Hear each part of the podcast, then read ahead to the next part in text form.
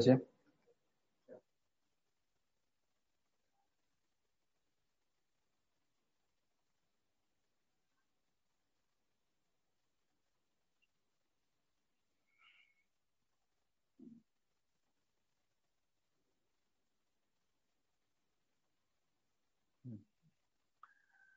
Assalamualaikum warahmatullahi wabarakatuh. Alhamdulillahi rabbil alamin. Wassalatu wassalam ala ashrafil mursalin wa ala alihi wa sahbihi ajma'in. Wa ashhadu an la ilaha illallah wahdahu la syarikalah. Wa ashhadu anna Muhammadan abduhu wa rasuluh. Sallallahu alaihi wa ala alihi wa sahbihi wa sallama tasliman. Alhamdulillah, puji syukur kita haturkan kehadirat Allah Subhanahu wa taala kembali bisa melanjutkan kajian rutin yang diselenggarakan oleh tim kajian Paduka London bersama dengan beberapa kawan yang ikut bergabung di Zoom, di aplikasi Zoom yang ini eh, komunitasnya cukup terbatas dan dalam rangka untuk menyebarkan manfaat maka disebarkan melalui fanpage dan YouTube channel Aminur Bais juga melalui YouTube channel Paduka London. Di kesempatan kali ini sebagaimana yang disampaikan dalam pengumuman, kita akan membahas tentang saham dan beberapa hal yang terkait dengan masalah saham. Ada dua hal yang perlu kita ketahui terkait atau perlu kita bahas terkait masalah saham. Yang pertama adalah eh, hakikat dari saham. Kemudian yang kedua mengenai hukum bisnis saham. Untuk jenis yang pertama yang kaitannya dengan masalah hakikat dari saham, maka nanti ini ada kaitannya dengan zakat saham. Sedangkan untuk jenis yang kedua ini terkait masalah hukum pengembangan saham. Baik, kita terlebih dahulu akan membahas jenis yang pertama yaitu hakikat dari saham. Alhamdulillah kami sudah menyediakan satu artikel yang artikel ini merupakan cuplikan dari buku saya yang berjudul Halal Haram Bisnis Online dan di bagian eh, akhir ada pembahasan tentang halal haram seputar cari uang melalui online. Di antara sub bagian yang kita bahas adalah trading saham secara online sebelum kita membahas tentang uh, hakikat saham, kita akan terlebih dahulu memahami saham dari sisi makna bahasa. Saham secara bahasa adalah bahasa dalam bahasa Arab disebut dengan as-sahmu. Sehingga kata saham itu sebenarnya termasuk bahasa infiltrasi, bahasa hasil serapan yang berasal dari bahasa Arab. Seperti kata kursi, uh, seperti kata apa lagi? Uh, apa sobun, sabun itu juga berasal dari bahasa Arab. Kemudian makna saham dalam bahasa Arab artinya adalah jatah atau bagian. Disebut dengan jatah atau bagian. Ketika Nabi Yunus alaihissalatu wassalam, beliau menaiki perahu yang penuh dengan penumpang. Perahu itu nyaris tenggelam, sehingga diputuskan harus ada salah satu penumpang yang nyemplung ke laut.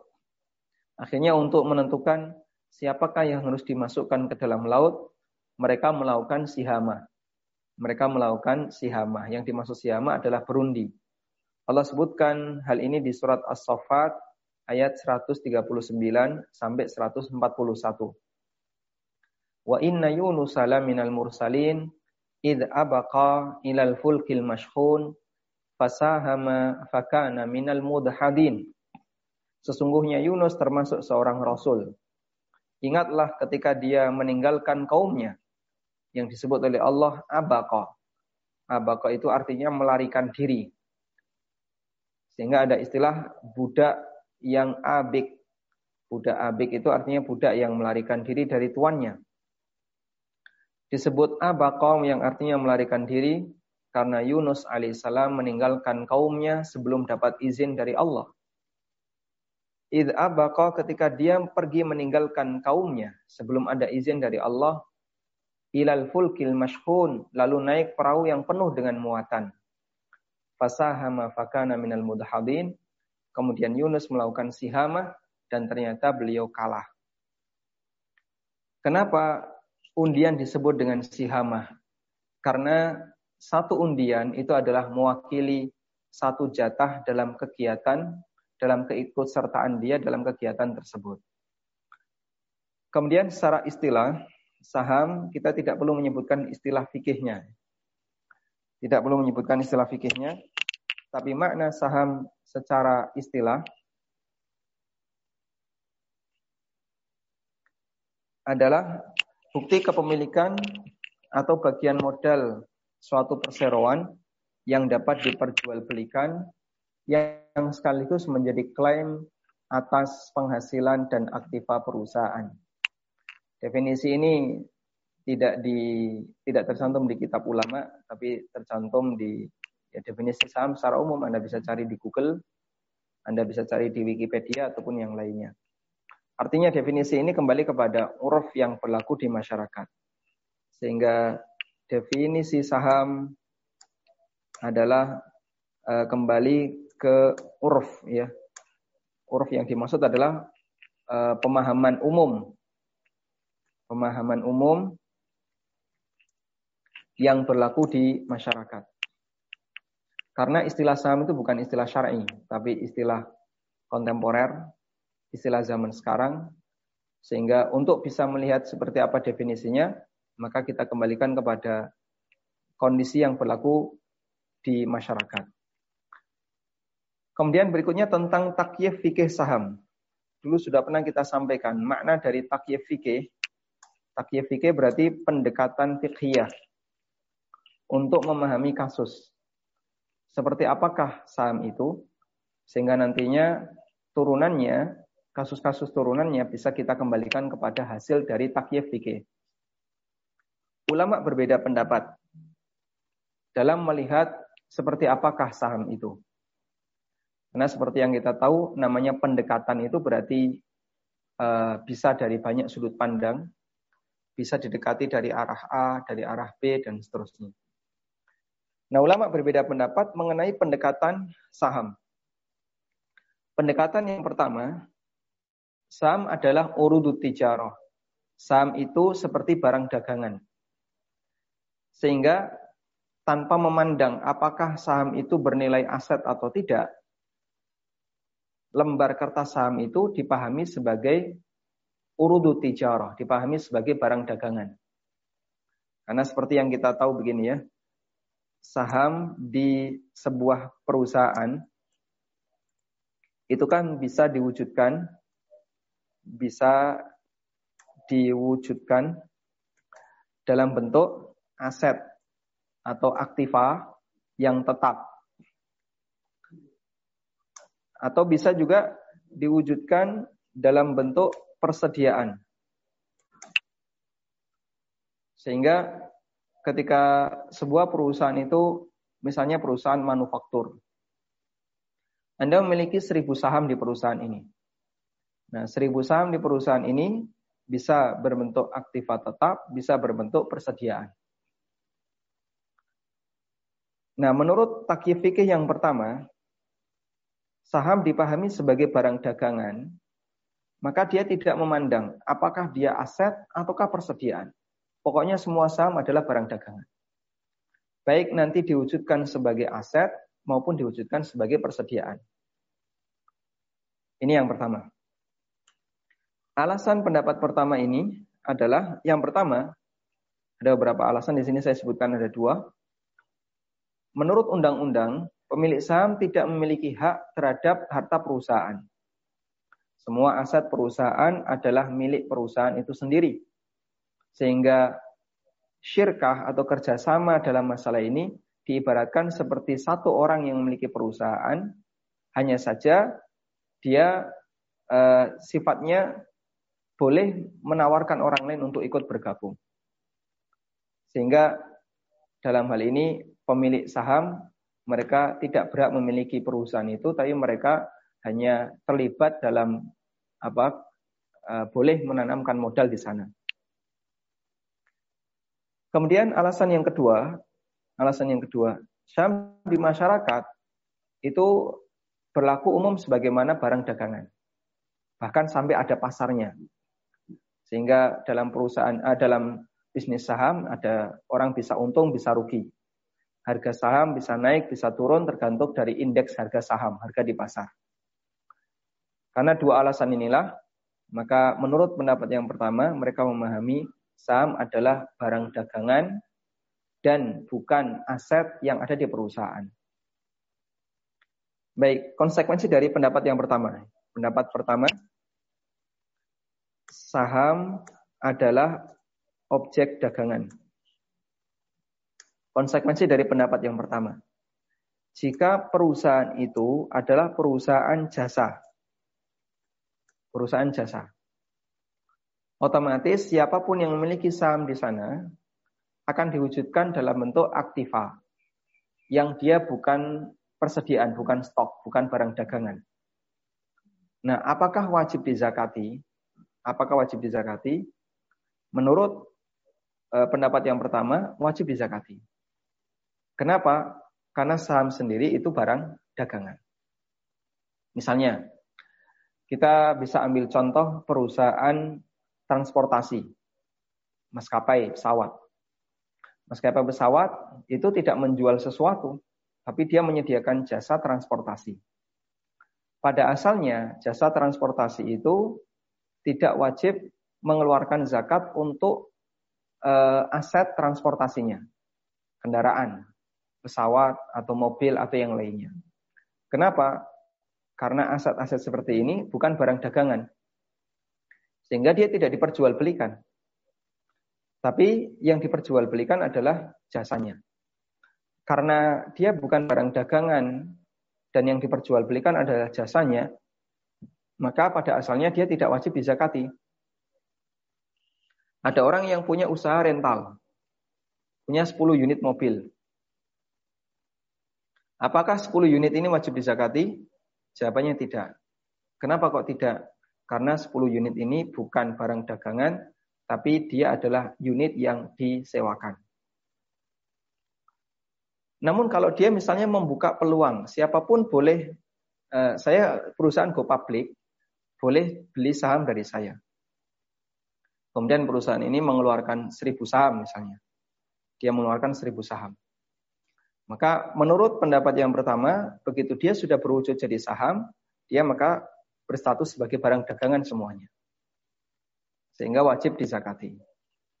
Baik. Kemudian kita beralih ke pendapat yang kedua. Saham itu bukan barang dagangan. Saham bukan barang dagangan, tapi saham adalah bukti yang mewakili kepemilikan terhadap aset perusahaan. Dan ini adalah pendapat mayoritas ulama kontemporer mereka beralasan pada dua prinsip.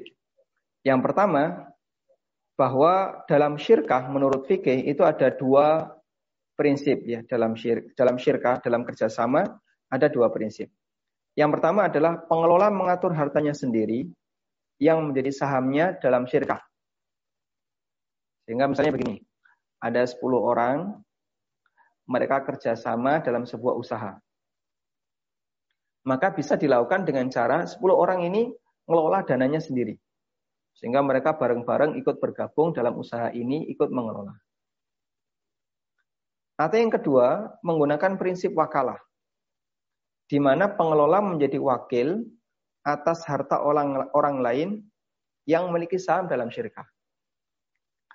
10 orang menanamkan saham di sebuah unit usaha yang sembilan orang sibuk sehingga mereka hanya nanam duit di situ. Satu orang yang nganggur. Lalu ini yang terlibat aktif dalam mengelola dana bersepuluh ini. Termasuk dana dia juga. Maka posisi satu orang ini berarti sekaligus jadi wakil sembilan orang kawan-kawannya yang ikut bergabung bersama dalam perusahaan tadi. Konsekuensi dari gabungan ini adalah pertama, Pengelola syirkah tidak harus minta izin kepada rekan-rekan lainnya yang memiliki saham dalam syirkah. Sehingga misalnya A sampai J. A sampai J. Yang nganggur si J. Dari A, eh, A, B, C, D, I, A, B, C, D sampai J. Yang nganggur hanya J. Dari mulai A sampai huruf sebelum J. I, ya, H, I, J. I, ini semuanya sibuk. Yang mengelola tinggal J. Maka J sebagai wakil dari A sampai I, sehingga posisi A, eh, posisi J di sini berhak mengelola usaha tersebut tanpa harus minta izin dari A sampai I. Yang kedua, pemilik saham dalam syirkah adalah pemilik aset dalam syirkah. J sebagai pengelola, maka dia pemilik aset dari saham yang terlibat, dari saham yang dia libatkan. A juga pemilik aset dari saham yang dia libatkan, dan begitu seterusnya. Dan tidak dikenal dalam fikih bahwa syirkah diibaratkan satu orang yang memiliki semua aset syirkah. Sebagaimana yang diutarakan pendapat yang pertama. Baik, Mungkin kita agak kebingungan ketika melihat khilaf ini. Tapi intinya, wallahu ta'ala alam, saya akan membawa Anda kepada pendapat yang kedua. Yang ini merupakan pendapat mayoritas ulama. Bahwa saham itu adalah bukti yang mewakili kepemilikan terhadap aset perusahaan dan bukan barang dagangan. Ya? Saham adalah bukti yang memiliki yang mewakili kepemilikan terhadap aset perusahaan dan bukan barang dagangan. Kaitannya begini. Jika ada orang memiliki saham, kemarin ada salah satu jamaah dari Jakarta tanya, apakah saya kalau punya saham juga wajib saya zakati? Jawabannya adalah, jika orang memiliki saham, maka Apakah wajib dizakati atau tidak? Tergantung sahamnya itu berwujud sahamnya itu berwujud persediaan ataukah berwujud aset.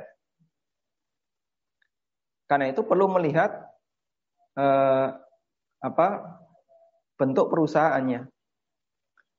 Jika perusahaannya adalah perusahaan jasa atau perusahaan yang tidak melakukan jual beli retail, maka tidak perlu dizakati. Namun yang dizakati adalah dividen yang diberikan oleh perusahaan kepadanya.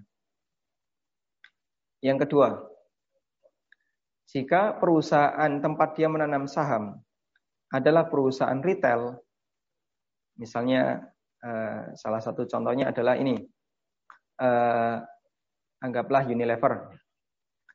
Dia produksi alat-alat kebutuhan sehari-hari atau perlengkapan untuk kebutuhan sehari-hari ada sabun, ada odol, dan aneka kebutuhan sehari-hari.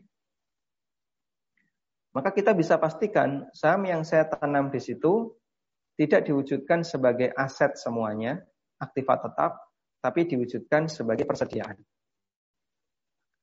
Nah, untuk itu kita perlu mendapatkan informasi persediaan yang menjadi stok perusahaan itu berapa. Nah, selanjutnya Anda bisa lihat saham yang Anda miliki itu berapa persen di perusahaan itu. Misalnya, perusahaan manufaktur yang dia berjualan, dia produksi berjualan. Saya memiliki 10% di perusahaan itu. Ramadan ini mau saya zakati. Maka saya bisa minta dari pihak finance di perusahaan itu, stok untuk bulan ini berapa. Kemudian dari situ saya bisa ngukur, oh stok bulan ini kurang lebih 1M kurang lebih 1 M. Berarti saya punya 10% dari 1 M. Saya punya 10% dari 1 M. Nah, selanjutnya eh, karena tadi saham saya 10%, saya melihat gini. Stoknya di sini berapa? Kemudian nilai dibandingkan dengan nilai total perusahaan berapa? Kita buat hitungan di sini ya. Jika saham dipahami sebagai uh, kertas yang muat atau alat bukti kepemilikan aset, maka apakah pemilik saham wajib mengeluarkan zakat sahamnya? Tadi kita bagi menjadi dua ya. Yang pertama, jika perusahaan tempat dia menanam saham adalah perusahaan jasa atau perusahaan yang tidak memiliki stok. Tidak memiliki persediaan barang yang dijual. Seperti perusahaan jasa atau perusahaan tambang itu juga tidak memiliki stok yang dijual. Kecuali kalau sudah selesai ditambang kemudian dia diperdagangkan ya. Maka tidak perlu dizakati.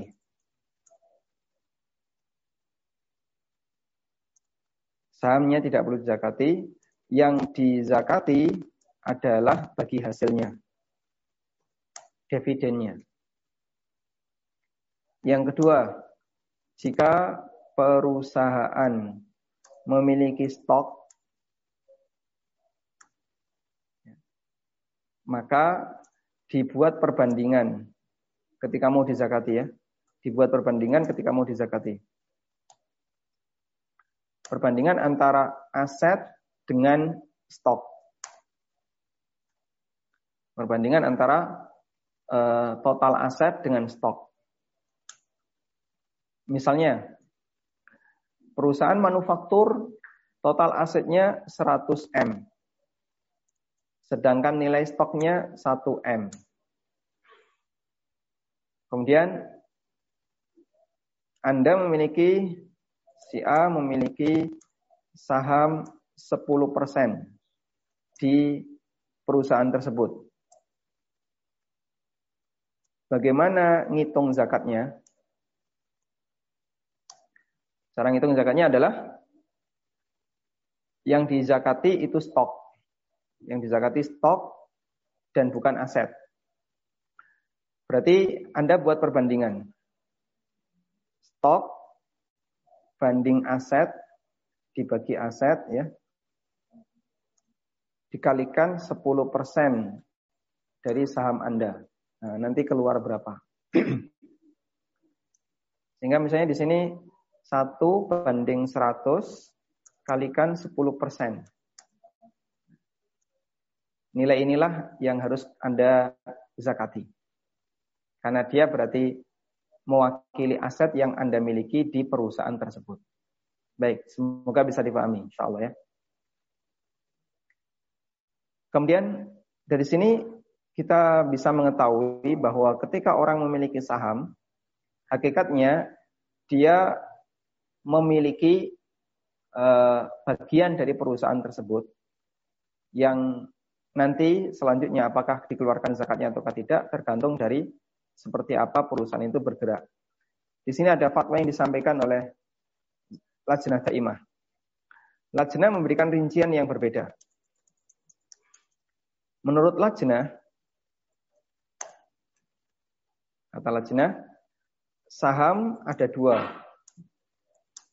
Yang pertama berbentuk uang. Yang kedua berbentuk aset. Saya bacakan keterangan lajnah. Idza kanatil ashumu la tumathilu nuqudan tamthilan kulliyan aw ghaliban in wa inna ma tumathilu ardon aw sayyarah aw imarat wa nahwi dzalika wa hiya ma'lumatun lil bai'i wal mushtari lil ba'i wal mustari jaza bai'uha wa syira'aha bi thamanil hal au muajjal. Bila saham-saham tersebut tidak mewakili nilai uang tertentu, baik secara keseluruhan atau kebanyakan, akan tetapi mewakili aset berupa tanah atau kendaraan atau properti atau yang serupa dan aset tersebut telah diketahui oleh masing-masing penjual dan pembeli, maka boleh untuk diperjualbelikan baik dengan pembayaran kontan atau dihutang, dengan sekali pembayaran atau dicicil beberapa kali pembayaran. Hal ini berdasarkan keumuman dalil bolehnya jual beli. Sehingga menurut menurut Lajna, kalau saham itu masih berbentuk uang, maka tidak boleh diperjualbelikan yang ada kelebihan atau yang mengalami penundaan. Tapi kalau berbentuk aset, maka dia boleh diperjualbelikan. Ini menurut Lajna. Wallahu a'lam. Baik. Alhamdulillah kita sudah selesai melihat hakikat dari saham. Insya Allah bisa dipahami ya. Kita ulang kesimpulannya. Ulama berbeda pendapat dalam memahami saham. Ada dua pendapat di sana. Pendapat pertama mengatakan saham adalah barang dagangan. Pendapat kedua, saham adalah uh, bukti kepemilikan aset sebuah perusahaan. Dan pendapat kedua ini pendapat mayoritas ulama dan kami mengarahkan kepada Anda untuk lebih memilih pendapat yang kedua. Karena itulah berdasarkan pendapat yang kedua, konsekuensinya tentang masalah zakat tadi, apakah saham wajib dizakati atau tidak, ada seperti apa unit usaha tempat Anda menanam saham. Kalau dia adalah unit usaha jasa, berarti saham yang Anda taruh di situ tidak diwujudkan sebagai persediaan, sebagai barang dagangan, maka tidak perlu Anda zakati, tapi yang dizakati adalah dividennya. Namun jika perusahaan itu bergerak dalam bidang jualan retail, maka Anda mengeluarkan zakat senilai berapa persen kepemilikan Anda terhadap stok yang dimiliki oleh perusahaan. Wallahu a'lam. Baik, selanjutnya kita akan membahas dari sisi jual beli saham atau bisnis saham. Kita akan bahas dari sisi jual beli saham. Tentang masalah jual beli saham, di tulisan ini saya sebutkan beberapa keterangan para ulama terkait masalah bisnis saham. Yang pertama yang perlu dipertimbangkan adalah batasan saham yang boleh diperjualbelikan. Yang kedua, yang kedua, eh, skema jual beli saham yang boleh. Yang ketiga, skema jual beli saham yang dilarang. Baik. Semoga Allah Subhanahu wa taala memudahkan. Yang pertama, batasan saham yang boleh diperjualbelikan. Pada asalnya, karena saham itu mewakili aset kepemilikan terhadap sebuah perusahaan, berarti batasan saham yang boleh diperjualbelikan kembali kepada batasan perusahaannya, unit perusahaannya. Jika perusahaan itu adalah perusahaan yang halal, berarti saham itu saham halal. Dan sebaliknya, jika perusahaan itu adalah perusahaan yang haram, berarti saham itu saham haram. Baik. Ibarat kita memiliki sebuah uh, makanan di sebuah wadah. Bolehkah saya membeli sebagian makanan itu? Maka jawabannya adalah Kembali kepada isi makanan itu apa? Isi makanan satu wadah itu apa? Apakah dominan halal ataukah dominan haram? Jika isinya dominan halal, boleh saya beli sebagian. Jika isinya dominan haram, tidak boleh saya beli. Nah, batasan dominan halal haram ini berapa persen? Idealnya seharusnya seluruhnya halal. Sehingga boleh kita beli seberapapun. Tapi perusahaan yang 100% halal itu akan sangat sulit untuk dijumpai, terutama perusahaan yang go public, mengingat riba itu tersebar di mana-mana. Apalagi yang namanya go public, tentu di situ ada beberapa persyaratan yang mengharuskan mereka bertransaksi ribawi. Nah, bagian inilah yang akan kita bahas. Di sini saya sebutkan koror hayah syariah, keputusan dari Dewan Syariah Bang Rojihi nomor 485 mengenai beberapa uh, ketentuan di mana perusahaan itu bisa disebut sebagai perusahaan yang masih terhitung halal. Kita bacakan ya. Yang pertama, Dibolehkan melakukan transaksi terhadap saham perusahaan harus berdasarkan asas kebutuhan. Dibolehkan yang melakukan transaksi terhadap saham perusahaan itu harus berdasarkan asas kebutuhan. Jika dijumpai ada perusahaan yang membuka saham, komitmen menjauh riba, dan sudah memenuhi kebutuhan, maka wajib membatasi dengan perusahaan semacam ini sehingga tidak perlu mengambil perusahaan lain yang tidak memiliki komitmen seperti ini. Ini batasan pertama.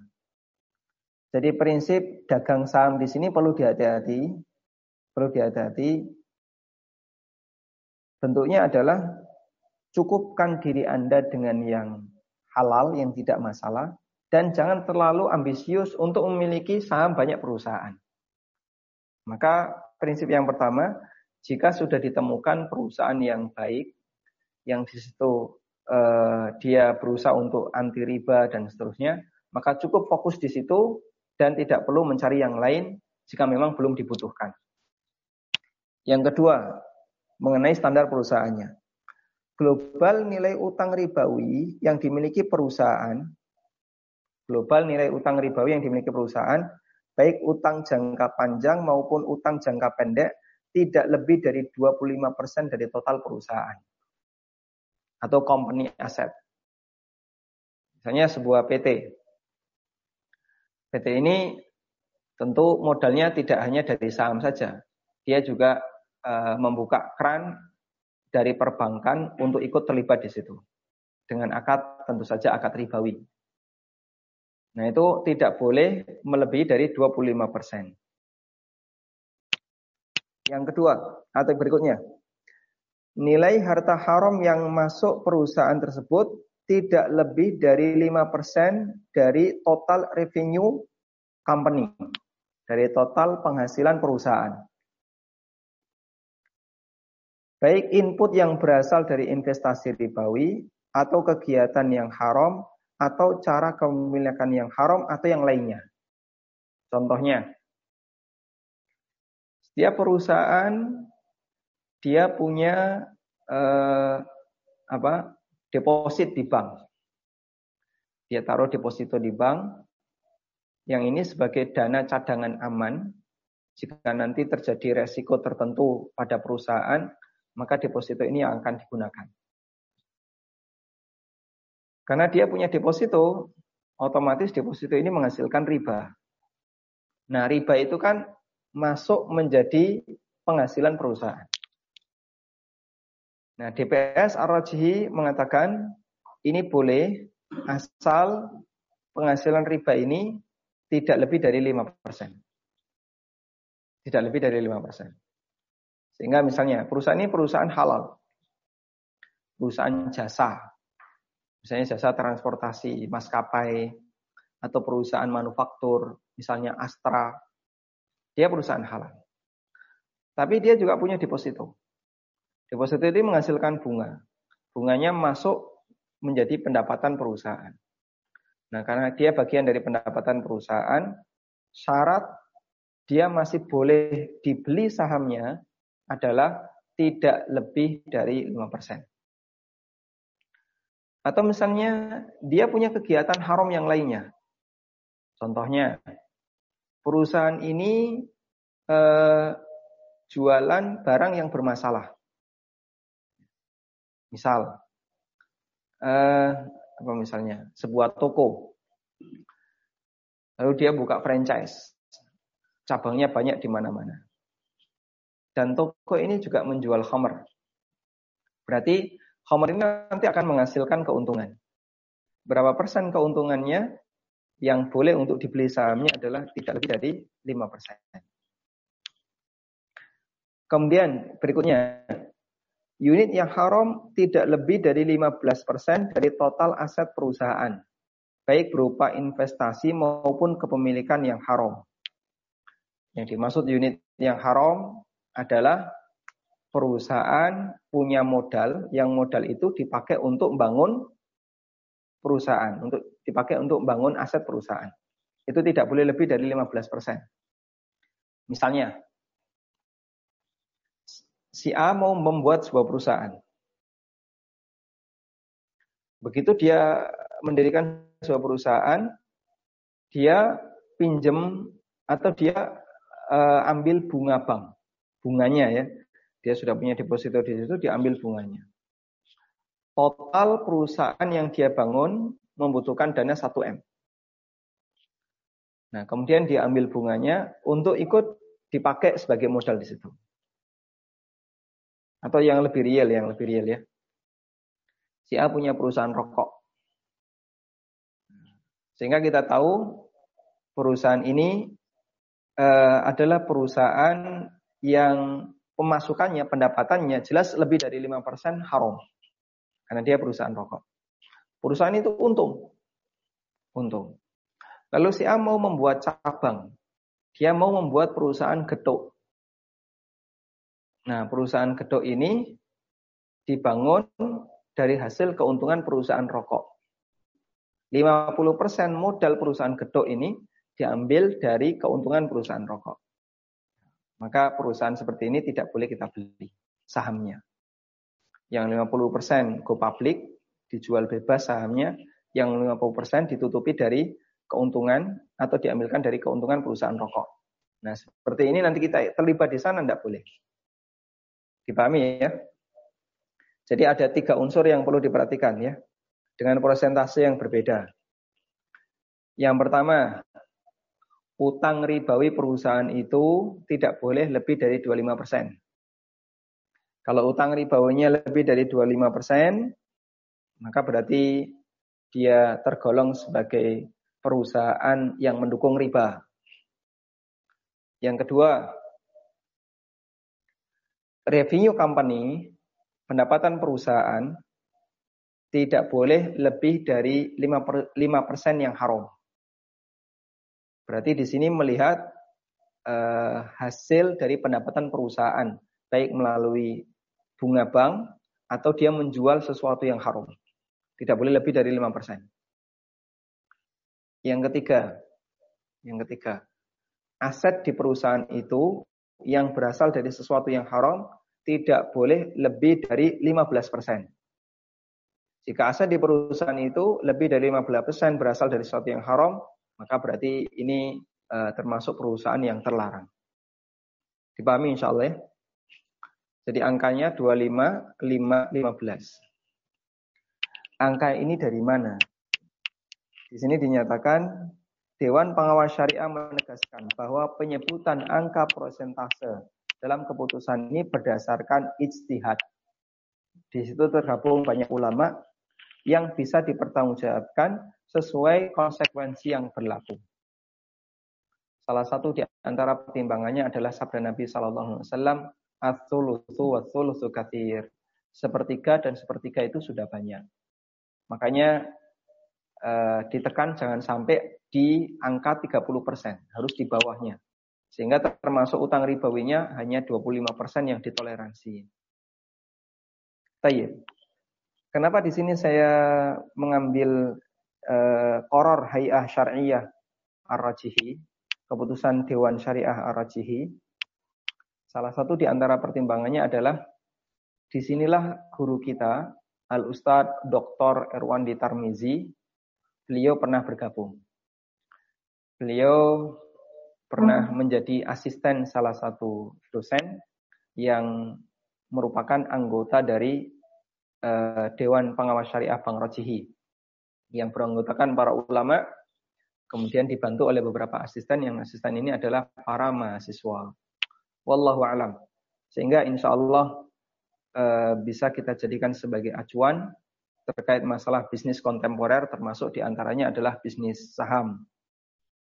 Tayyib. Nah insya Allah untuk di Indonesia eh, yang memenuhi standar seperti ini cukup banyak terutama perusahaan-perusahaan manufaktur, kemudian perusahaan jasa, insya Allah cukup banyak. Sehingga kalau dilihat dari objeknya, dilihat dari objeknya di Indonesia cukup banyak objek perusahaan yang sahamnya bisa kita beli, bisa kita beli dan kita ikut terlibat di situ. Meskipun juga perusahaan yang bermasalah cukup banyak, seperti perusahaan yang bentuknya lembaga keuangan, koperasi-koperasi yang ribawi, kemudian juga perusahaan yang dia fokus pada pelayanan jasa yang haram atau menjual barang haram, ya. Seperti sekarang lagi marak perusahaan perjudian, kemudian perusahaan yang bergerak di bidang jasa layanan haram, ya, perus apa misalnya uh, klub-klub malam, diskotik. Kemudian perusahaan yang terlarang juga misalnya perusahaan yang dia uh, menjual barang haram seperti khamr atau rokok. Meskipun secara umum seperti ini uh, cukup menjanjikan dan menguntungkan, tapi seorang muslim tidak boleh terlibat di dalamnya. Wallahu taala alam. Baik. Sekarang kalau usaha uh, seperti toko retail, Indomaret, Alfamaret, saya langsung nyebut merek. Di situ ada syarat harus jual rokok. Ada syarat harus bahkan ada syarat harus jual khamr. Bagaimana ini? Jawabannya adalah lihat tadi ukurannya. Keterlibatan homer di situ berapa persen? Dia menghasilkan keuntungan berapa persen? Betul homer di situ sedikit. Cuma misalnya tiga kerat. Tapi dalam waktu sebulan, barang yang lain nggak ada yang laku. Yang yang laku cuma homer. Maka berarti homer adalah penyumbang terbesar dari keuntungan perusahaan. Jika itu lebih dari 5%, maka kita tidak boleh terlibat di dalamnya. Wallahu ta'ala. Tapi kalau dia di bawah 5%, maka boleh terlibat di dalamnya. Baik. Sehingga di sini kita baru membahas dari sisi batasan saham yang boleh diperjualbelikan. Saham mana yang boleh kita beli, saham mana yang boleh tidak kita beli. Baru di situ ya. Yang kedua, skema jual beli saham yang boleh. Skema jual beli saham yang boleh adalah skema jual beli saham yang tujuannya tidak sebagaimana yang berlaku di pasar saham. Dalam arti tidak ada unsur goror. Skema jual beli saham yang boleh adalah yang tidak ada unsur goror. Bentuk gorornya gimana?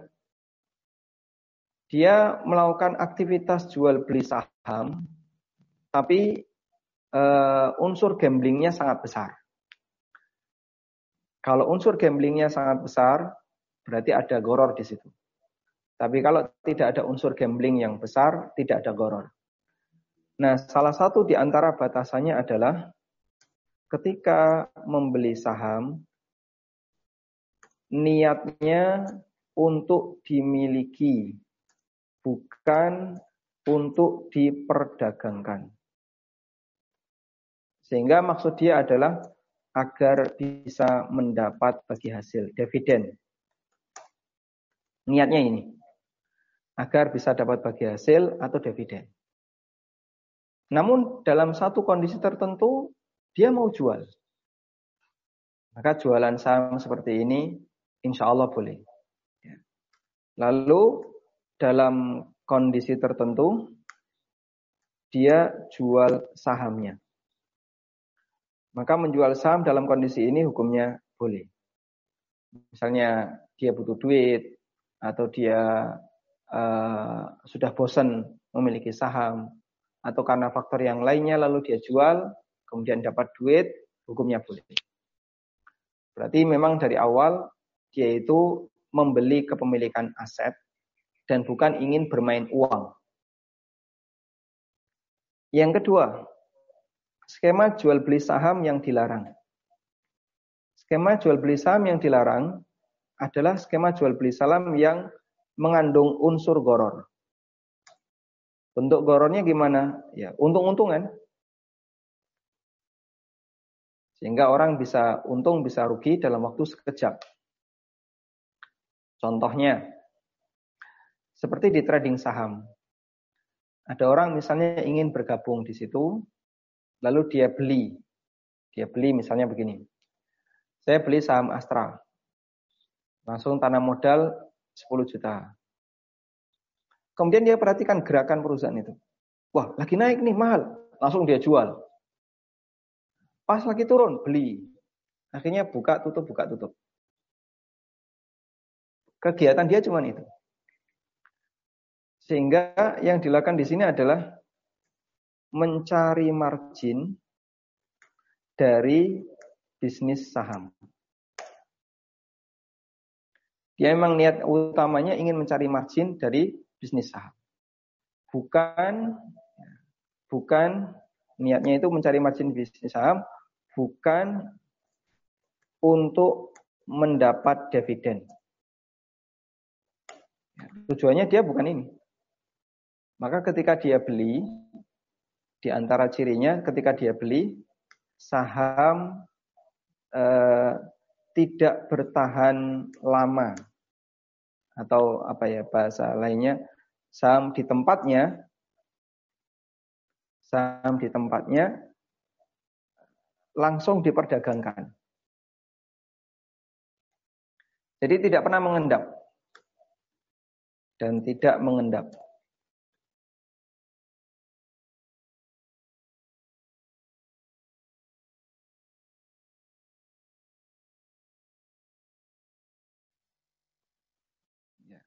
Memang tujuan asalnya adalah dalam rangka untuk bisa dibisniskan atau bisa dicari marginnya.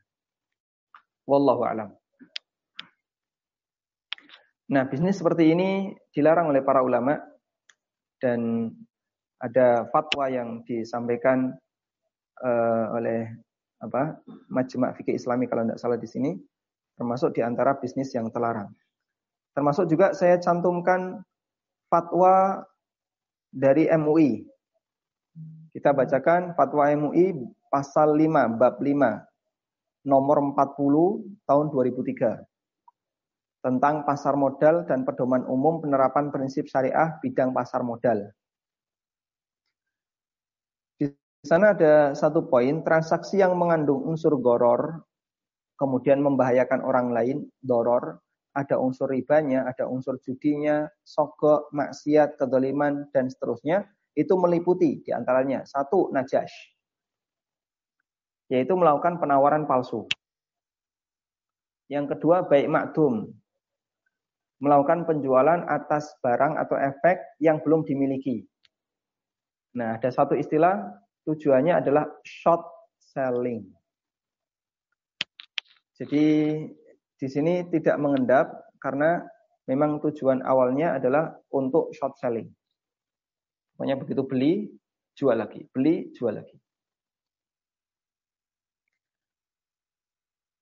Sehingga dalam kondisi ini dia tujuannya sama sekali bukan untuk memiliki, tapi ingin mempermainkan uang. Dan ini difatwakan hukumnya dilarang.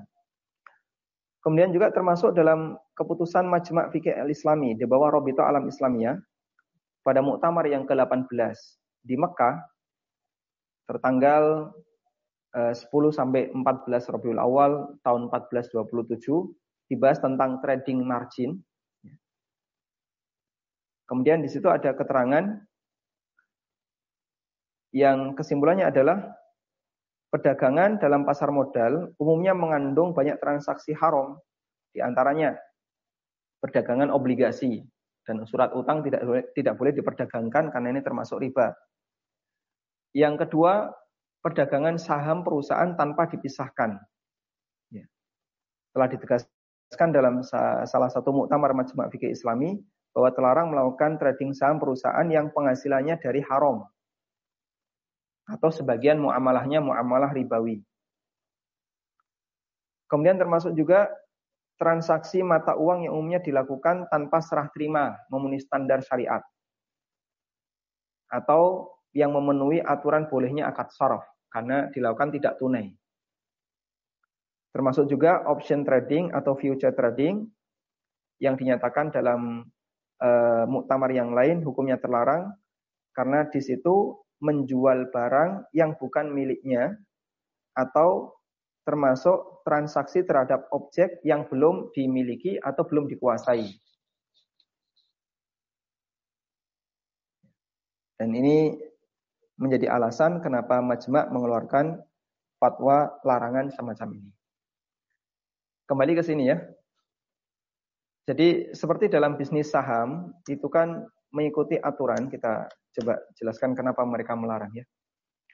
Dalam trading saham, itu ada aturan T plus 3, T plus 2 atau T plus 3 transaksi. Transaksi plus 3 hari kerja. Sehingga kalau misalnya saya beli saham A di hari Kamis, Kapan saya bisa menerima saham itu? Saya bisa menerima saham itu di hari Jumat, Sabtu, Ahad libur, Senin. Kemis, Jumat, Sabtu, Ahad libur, hari Senin saya bisa menerima.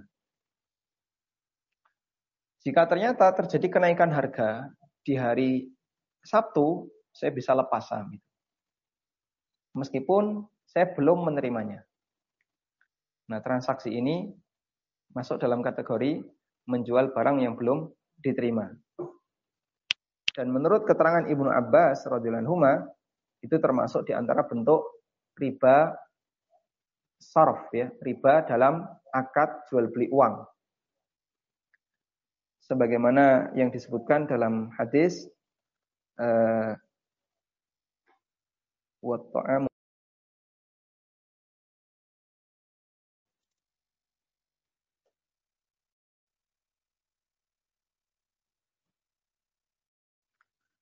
Hadisnya riwayat Bukhari dan Muslim. Tawus meriwayatkan dari Ibnu Abbas bahwasanya Rasulullah Shallallahu Alaihi Wasallam melarang seseorang menjual makanan sampai dilakukan istifa. Yang dimaksud istifa adalah sampai makanan itu pindah ke rumahnya atau pindah ke wilayahnya. Saya beli beras di tempat si A. Sudah saya bayar, tapi beras itu tetap ada di tempat si A maka saya tidak boleh menjual beras itu ke B. Jika saya menjual ke B, maka melanggar hadis ini. Lalu Aus bertanya kepada Ibnu Abbas, Kaifadaka, kenapa itu enggak boleh? Qala, kata Ibnu Abbas, Dzaka darahim bidarahim wa ta'amu murja. Karena hakikatnya itu adalah duit ditukar dengan duit dan uangnya tidak ada. Sehingga kalau misalnya begini, saya beli beras di tempat si A, satu kintal. Saya biarkan di situ. Lalu saya pulang, saya sudah bayar kepada si A, satu kintal misalnya eh, satu juta, saya bayar satu juta. Kemudian saya pulang. Setelah pulang, saya ke kampung, keliling. Siapa yang butuh beras, saya punya beras harga sekian. Lalu saya bisa mengumpulkan 100 orang. Masing-masing minta sekilo masing-masing minta sekilo. Akhirnya saya terima uang dari mereka masing-masing sehingga saya dapat margin. Tadi saya bayar satu juta, setelah saya jual, saya mendapatkan satu juta seratus ribu. Kata Ibnu Abbas, hakikat yang terjadi di situ adalah saya menukar uang satu juta dan mendapatkan satu juta seratus ribu. Itu yang dimaksud dalam hadis ini, hadis riwayat Bukhari Muslim. Saya beli semen di toko besi A, 10 sak. Saya bayar 500 ribu. Lalu saya keliling kampung, ketemu B. B butuh semen 10 sak. Saya hargai 600 ribu 10 sak. Dia bayar 600 ribu. Saya kontak toko besi, tolong antarkan semen 10 sak ke tempatnya si B. Hakikatnya adalah terjadi pertukaran 500 ribu dengan 600 ribu. Dan itu riba fadl. Nah, saham mirip seperti itu. Ketika saya beli saham, saya tanam 10 juta. Dan saya belum menerima. Karena prinsip saya short selling, pokoknya jangan lama-lama. Begitu saham itu naik, langsung saya lepas. Saya jual lagi. Sehingga yang awalnya saya tanam 10, 10 juta, saya dapat 10 juta 500. Atau saya dapat 11 juta. Hanya dalam waktu 3 hari. Nanti saya beli lagi saham yang lain. Tinggal saya cuma mengikuti eh, perkembangan berita saja. Perkembangan berita. Nah, yang bisa mengatur ini para pialang saham. Broker-broker saham itu ngatur ini. Nah, sehingga saya berkonsultasi kepada mereka kapan saya harus beli, kapan saya harus lepas. Nah, itu hakikatnya permainan duit ditukar dengan duit. Di sinilah ulama melarang transaksi saham. Kecuali yang tujuannya di awal tadi. Tujuannya adalah untuk mendapatkan dividen, tapi satu kondisi mungkin dia merasa bosan lalu dia jual, akhirnya dia bisa mendapatkan uang, itu boleh. Tapi kalau tujuan dari awal ingin mendapatkan margin, sehingga yang terjadi adalah bisnis margin, maka ulama melarang karena hakikatnya itu perjudian. Makanya sebagian ulama menyebut trading saham itu kasino di zaman sekarang. Lebih dominan judi dibandingkan trading sesuatu yang real. Wallahu ta'ala alam. Baik, mungkin itu yang bisa kita sampaikan sebagai pengantar. Semoga bisa dipahami dan barangkali sedikit rumit bagi yang um, belum terbiasa dengan masalah saham. Namun bagi uh, jamaah yang mungkin perlu menanyakan sesuatu kami persilahkan. Wassalamualaikum ala nabiyyina Muhammadin wa akhiru da'wana alhamdulillahi rabbil alamin. Silakan Pak Rashid. Ya, terima kasih Ustaz. Alhamdulillah jazakallah khair. Eh, keterangannya tentang saham. Ini ada banyak sekali pertanyaan ini Ustaz. Sebagian pertanyaan dari eh, pertemuan kita ahad lalu. Namun yang pertanyaan kali ini juga sudah mencapai sekitar 11 pertanyaan Ustaz. Jadi banyak sekali. Eh, baik, kita akan mulai dari eh, yang mengangkat tangan dulu. Yang pertama adalah Bapak Oka Wijaya Putra. Silahkan di unmute. Oh sorry, kita unmute. Saya unmute sudah. Silahkan Pak Oka. Bismillahirrahmanirrahim. Assalamualaikum Ustaz. Waalaikumsalam warahmatullah. Hmm, apa Ustaz? Anda ingin bertanya Ustaz terkait materi yang antum sampaikan Ustaz. Uh, yang yang Ana lihat tadi kan di masalah saham tadi ada batasan bahwa uh, ada persentase riba ribawi yang boleh di yang masih dibolehkan untuk kita beli sahamnya Ustadz. Nah, uh, beberapa minggu kemarin anak ngikut dauro dari Ustadz Erwandi sendiri, uh, ternyata Ustadz Erwandi bilang bahwa saham sah, saham itu yang boleh kita beli uh, apa yang memang tidak ada unsur ribanya sama sekali Ustaz. Nah ini dan juga yang analia analia juga Ustaz, uh, apakah memang bukankah uh, sudah jelas bahwa yang ada unsur riba sedikit pun itu mesti kita hindari atau yang keharaman itu harus kita hindari kecuali kalau uh, setahu Ana bahwa ada unsur darurat baru dibolehkan. Nah ini kenapa ada fatwa bahwa dibolehkan Ustaz? Nah mungkin itu yang perlu Ana masih bingung Ustaz. Jazakallah khair. Jazakallah khairan. Jazakallah khairan. Perasaan eh, eh, apa pertanyaan masuk di Facebook? Masuk ya. Baik. Uh, penanya telah mengikuti workshop yang diselenggarakan oleh Al Ustadz Irwandi dan kalau menurut Ustadz Irwandi saham perusahaan yang boleh dibeli adalah perusahaan yang tidak ada ribanya sama sekali. Sementara tadi kita sampaikan dan apa yang saya sampaikan ini mengacu pada uh, keputusan Hay'ah apa Hay'ah Syariah atau Dewan Pengawas Syariah dari Syirka Ar-Rajihi dari perusahaan Bank Ar-Rajihi yang ada di Saudi yang bank ini termasuk salah satu di antara bank yang dijadikan rujukan sebagai bank syariah yang cukup ideal ya. Meskipun katanya pelanggarannya juga masih ada.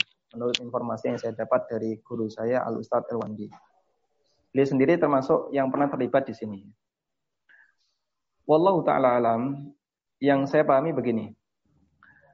Jadi kalau kita terlibat dalam sebuah perusahaan yang murni halal, itu idealnya. Nah, sekarang bolehkah kita terlibat dalam perusahaan yang di situ ada unsur haramnya? Baik terlibat sebagai salah satu pemilik saham atau terlibat sebagai karyawan.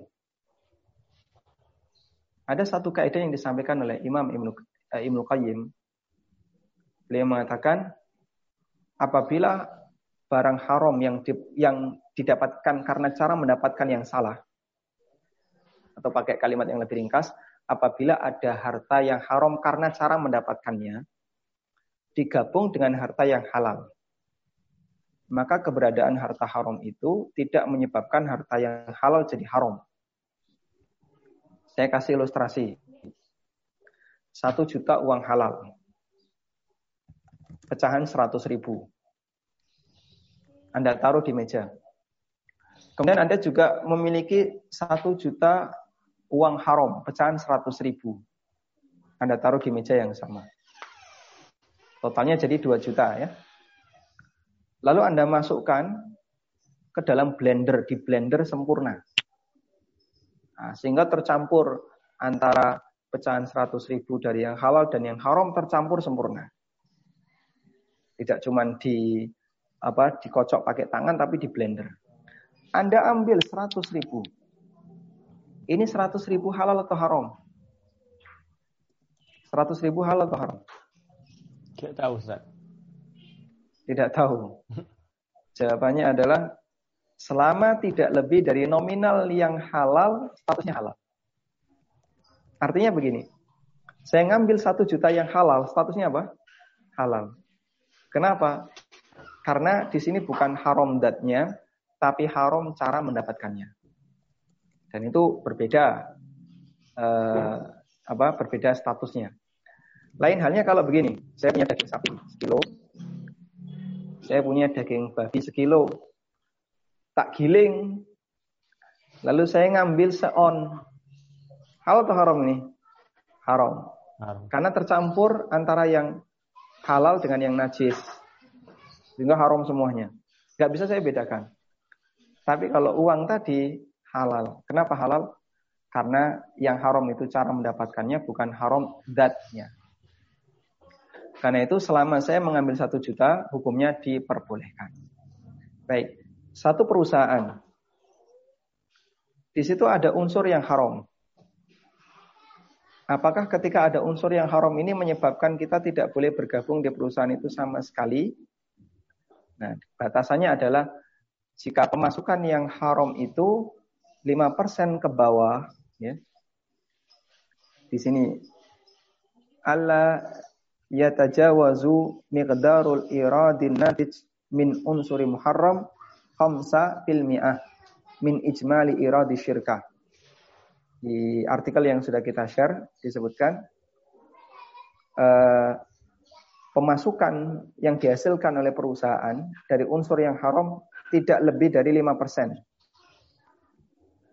Revenue perusahaan tidak lebih dari 5% yang haram. Nah, sehingga misalnya perusahaan itu punya hasil yang haram 4%. Yang 96% halal. 4 persennya haram.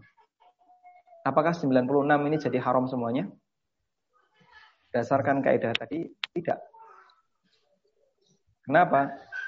Karena keberadaan harta yang haram tidak menyebabkan harta yang halal jadi haram. Dalam satu rumah tangga, saya, Anda, siapa pun yang bekerja, mungkin hartanya akan kecipratan bagian yang haram, tapi kita tidak sadar.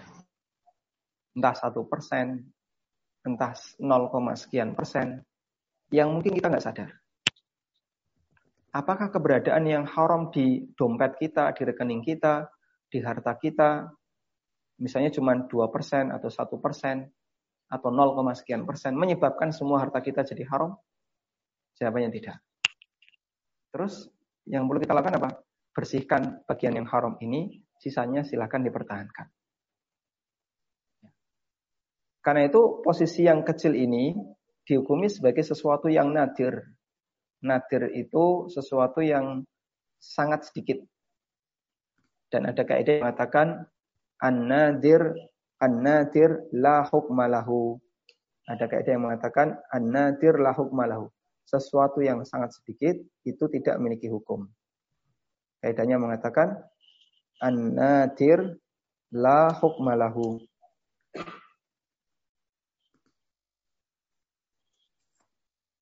Ini kaidah umum ya.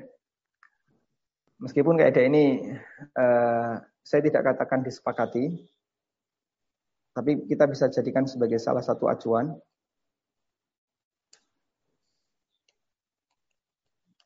Sesuatu yang sangat jarang tidak memiliki hukum. Sehingga kalau cuma 5% itu tidak diperhitungkan. Maka ada dan tidaknya tidak dihitung. Itu barangkali yang menjadi dasar kenapa Ar-Rajihi menilai adanya pemasukan revenue yang 5% masih dianggap diperbolehkan. Wallahu a'lam. Baik, selanjutnya. Uh, baik, selanjutnya penanya Red Pak Reza Mahbub Khatami, silakan. Di oh, saya unmute dulu sebentar. Silakan Pak Reza. Assalamualaikum Ustaz. Waalaikumsalam warahmatullahi. Iya, uh, makasih uh, terima kasih buat penjelasannya Ustaz. Uh, saya mau tanya untuk masalah saham ini, kan di Indonesia sendiri kita punya indeks saham syariah, yang mana itu ISSI, yang di situ uh, untuk saham-saham yang uh, masuk dalam kategori syariah bisa kita investkan di sana.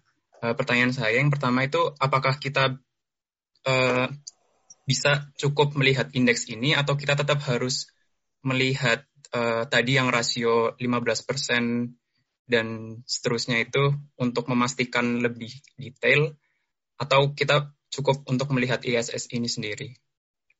Yang menerbitkan indeks saham syariah itu siapa? Um, setahu saya itu dari MUI, Ustaz. DSN. Ya, baik. Baik, misalnya yang menerbitkan itu adalah DSN. Indeks saham syariah. Itu kan hasil kajian yang dilakukan oleh DSN untuk uh, apa melihat mana saja perusahaan yang diperbolehkan dan mana yang tidak diperbolehkan. Menurut standar DSN. Nah, saya sendiri kurang kurang tahu ya mengenai fatwa DSN dan standar DSN dalam masalah ini. Selain yang tadi kita cantumkan hanya masalah trading yang bermasalah, trading yang dilarang yaitu yang short selling. Tapi kalau misalnya DSN memiliki standar tersendiri yaitu berdasarkan istiadatnya DSN. Sehingga kalau Anda menilai saya mau mengikuti ini, berarti kembali kepada pribadi Anda dan selanjutnya silahkan bergabung sesuai dengan apa yang Anda yakini. Ya. Kita tidak sedang membandingkan pendapat, tapi dalam posisi ini uh, masyarakat taklid kepada beberapa dewan fatwa. Nah, yang saya cantumkan di buku berdasarkan keputusan Hay'ah Syariah Rajihi. Tapi kalau misalnya pembaca punya pilihan yang lain, itu kan urusan pribadinya.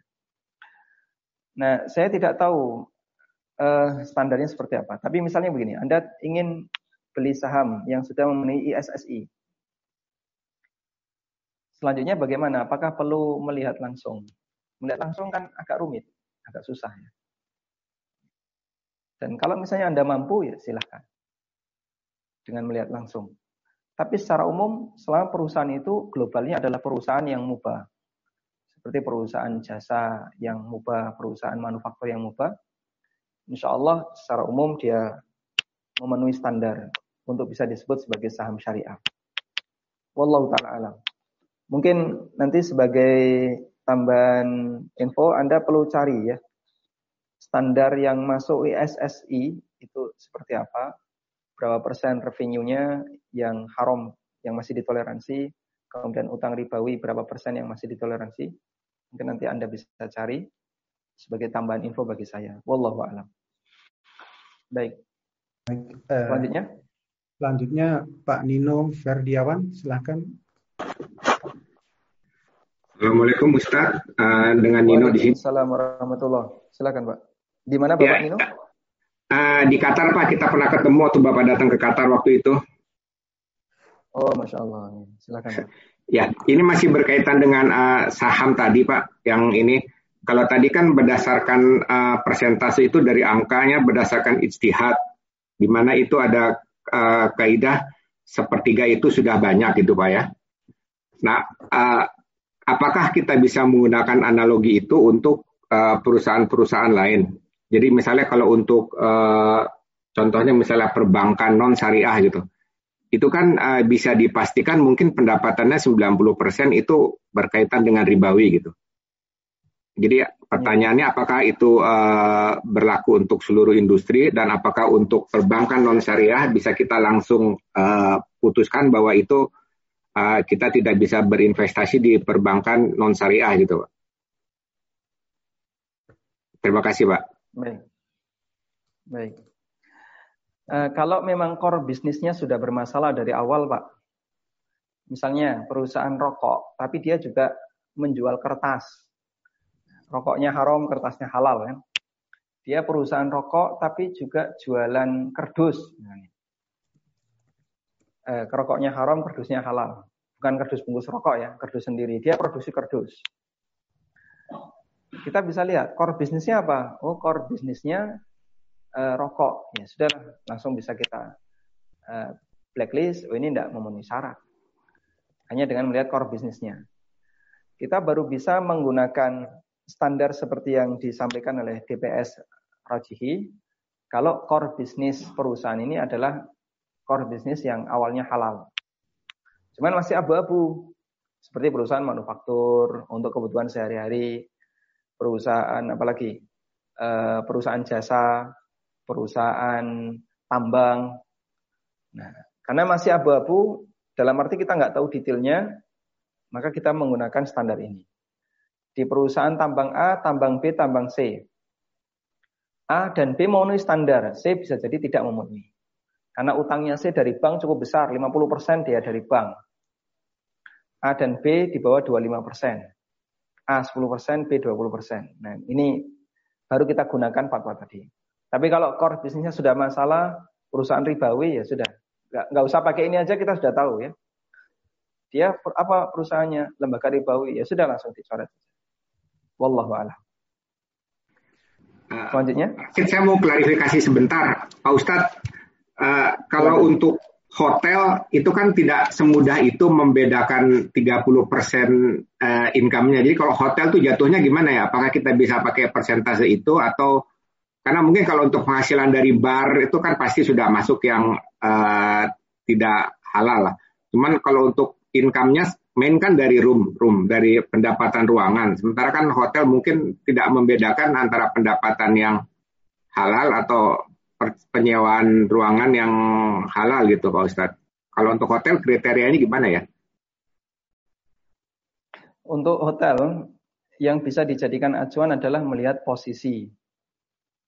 Jika hotel itu berada di posisi yang jarang dipakai untuk maksiat, sehingga kalaupun ada maksiat ya paling satu dua, insya Allah tidak masalah ikut bergabung di sana. Tapi kalau dia di posisi yang banyak dipakai untuk maksiat seperti ya, hotel di tempat wisata. Nah, itu indikasi, Pak. Hotel di tempat wisata. Harganya murah dan eh, di situ banyak keramaian. Rata-rata yang masuk ya berpasangan-berpasangan. Nah, kita kalau sudah melihat ini hotel ini berada di tempat wisata dan rata-rata yang masuk orang bermasalah, maka tidak masuk dalam kriteria kita. Ada salah satu teman yang dia usaha orang tuanya hotel dan hotelnya berada di tempat wisata. Nah, karena penjaganya orang yang nggak kenal batasan halal haram, cuman dia ditanya sama teman saya, kira-kira yang masuk gimana? Yang masuk ya rata-rata anak-anak muda, pasangan, tapi karena dia berada di tempat wisata, laris. Jadi indikasinya ini berarti kemungkinan besar sering dipakai untuk hal yang bermasalah. Tapi kalau hotel seperti di Saudi, hotel di Mekah, hotel di Madinah, nggak pakai nama syariah pun orang nggak curiga. Mau Movenpick di Madinah, orang nggak bakal curiga. Ini pasti mau dipakai sesuatu, nggak bakalan ada curigaan seperti itu. Atau misalnya di Qatar ya, atau di negara-negara yang penyebaran zinanya sedikit.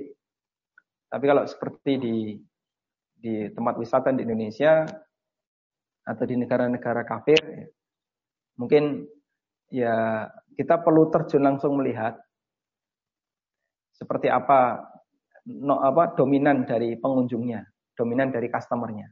Mungkin bisa anda tanyakan kepada bagian apa CS ya atau bagian eh, front desk kira-kira kebanyakan tamunya seperti apa. Wallahu a'lam. Tapi kalau ragu, Pak, kalau ragu kita ngambil prinsip enggak tidak lebih, tidak, lebih baik daripada tetap maju. Ya, Allah Terima kasih Pak Ustaz. Nah, barakallahu fikum. Baik, satu lagi barangkali. Pak Rashid. Sebelum jam 5.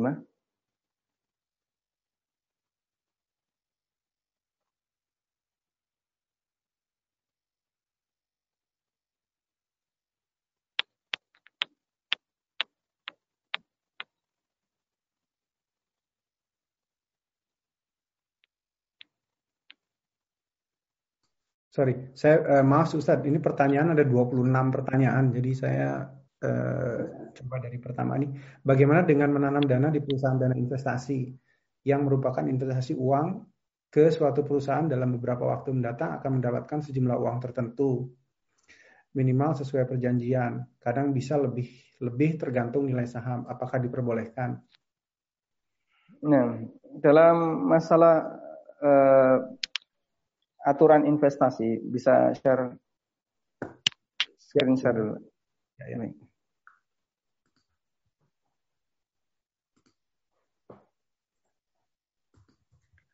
Dalam bisnis investasi, salah satu di antara batasan yang perlu diperhatikan adalah tidak boleh mendapatkan tidak boleh mendapatkan bagian tertentu. Sebentar, saya carikan hmm, keterangannya.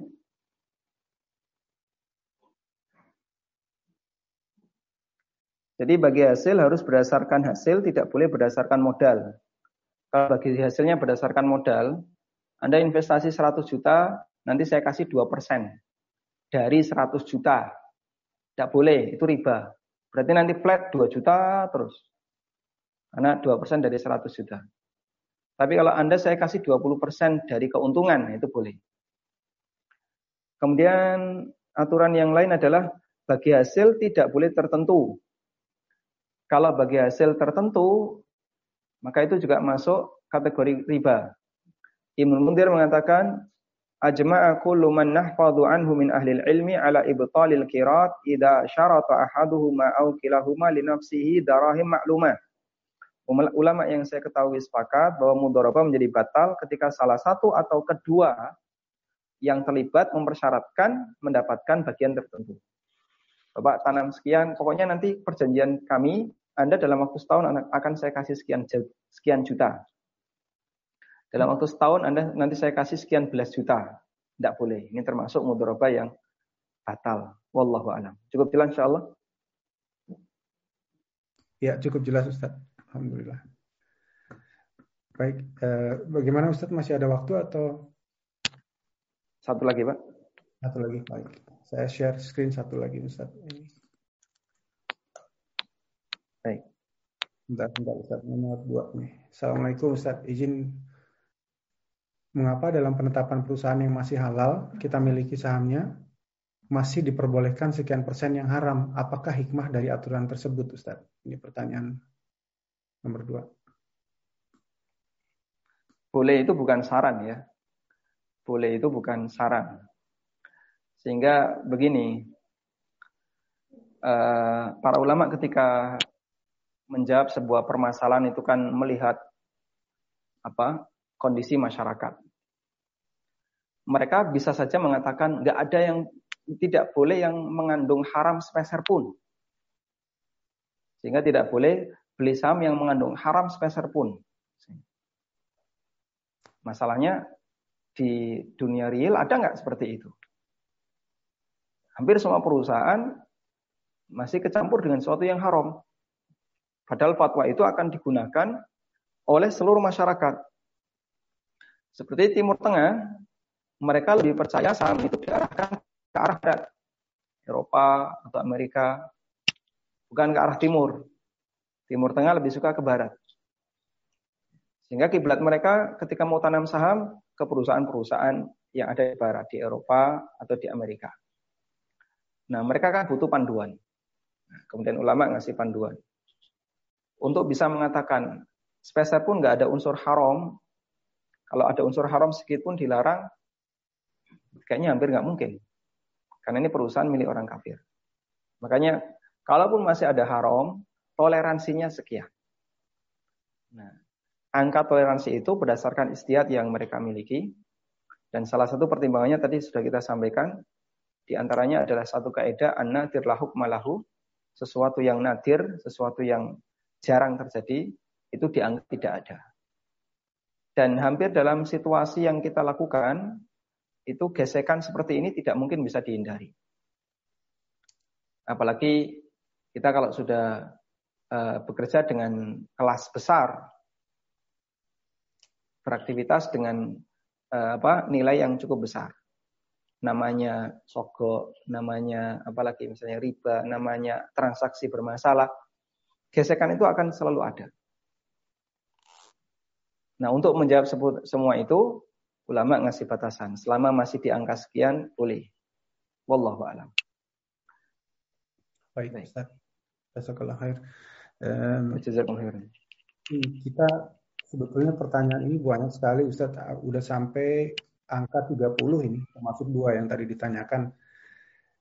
Uh, jadi gimana nih Ustaz? Saya ada pertanyaan mengenai uh, ini. Atau kita coba nanti barangkali kalau masih berkenan kita bisa sambung di luar Ramadan. Ya, insya Allah. Ini pertemuan terakhir untuk bulan Ramadan ya. Ahad depan sudah hari raya di Indonesia. Ya. Sehingga uh, weekend berikutnya belum bisa kita lakukan pertemuan ini. Barangkali nanti kita bisa sambung. Semoga Allah mudahkan di luar Ramadan. Dan bagi Anda yang mengikuti live di waktu pagi ya, jam 5 sampai jam 6 waktu Indonesia, ya geser dikit biasanya ya, jam 5 lebih sampai jam 6 lebih. Nanti pertanyaan yang barangkali belum sempat dibahas di sini bisa disampaikan di waktu pagi. Cuman kalau pagi agak kredit, ya. Enggak yang menyampaikan lewat telepon, yang lewat WA, ya butuh sabar yang lebih. Tapi kalau sore agak lebih longgar.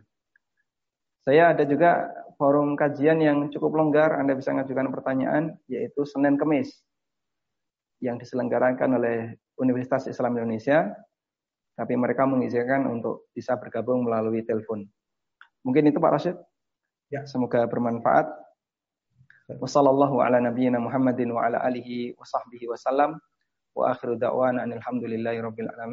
Wassalamualaikum warahmatullahi wabarakatuh. Waalaikumsalam warahmatullahi wabarakatuh. Alhamdulillah, jazakallah khair Ustaz. Semoga kajian kali ini bermanfaat bagi kita semua. Uh, untuk menyimak seperti tadi Ustadz sampaikan bisa disimak lagi di YouTube Paduka atau di YouTube, YouTube uh, Ustadz Aminur Maid. Uh, kajian akhir pekan ini berikutnya di luar bulan Ramadan akan dimulai siang hari insya Allah waktu Inggris atau malam hari waktu Indonesia bagian Barat. Selebihnya kami mohon maaf jika ada kekurangan, mohon maaf ada kesalahan, dan mohon maaf juga bagi pertanyaan-pertanyaan yang belum sempat kami tanyakan. Insya Allah di waktu yang akan datang akan kami tanyakan. Baik, barakallahu fikum. Wabillahi taufik wal hidayah. Wassalamualaikum warahmatullahi wabarakatuh.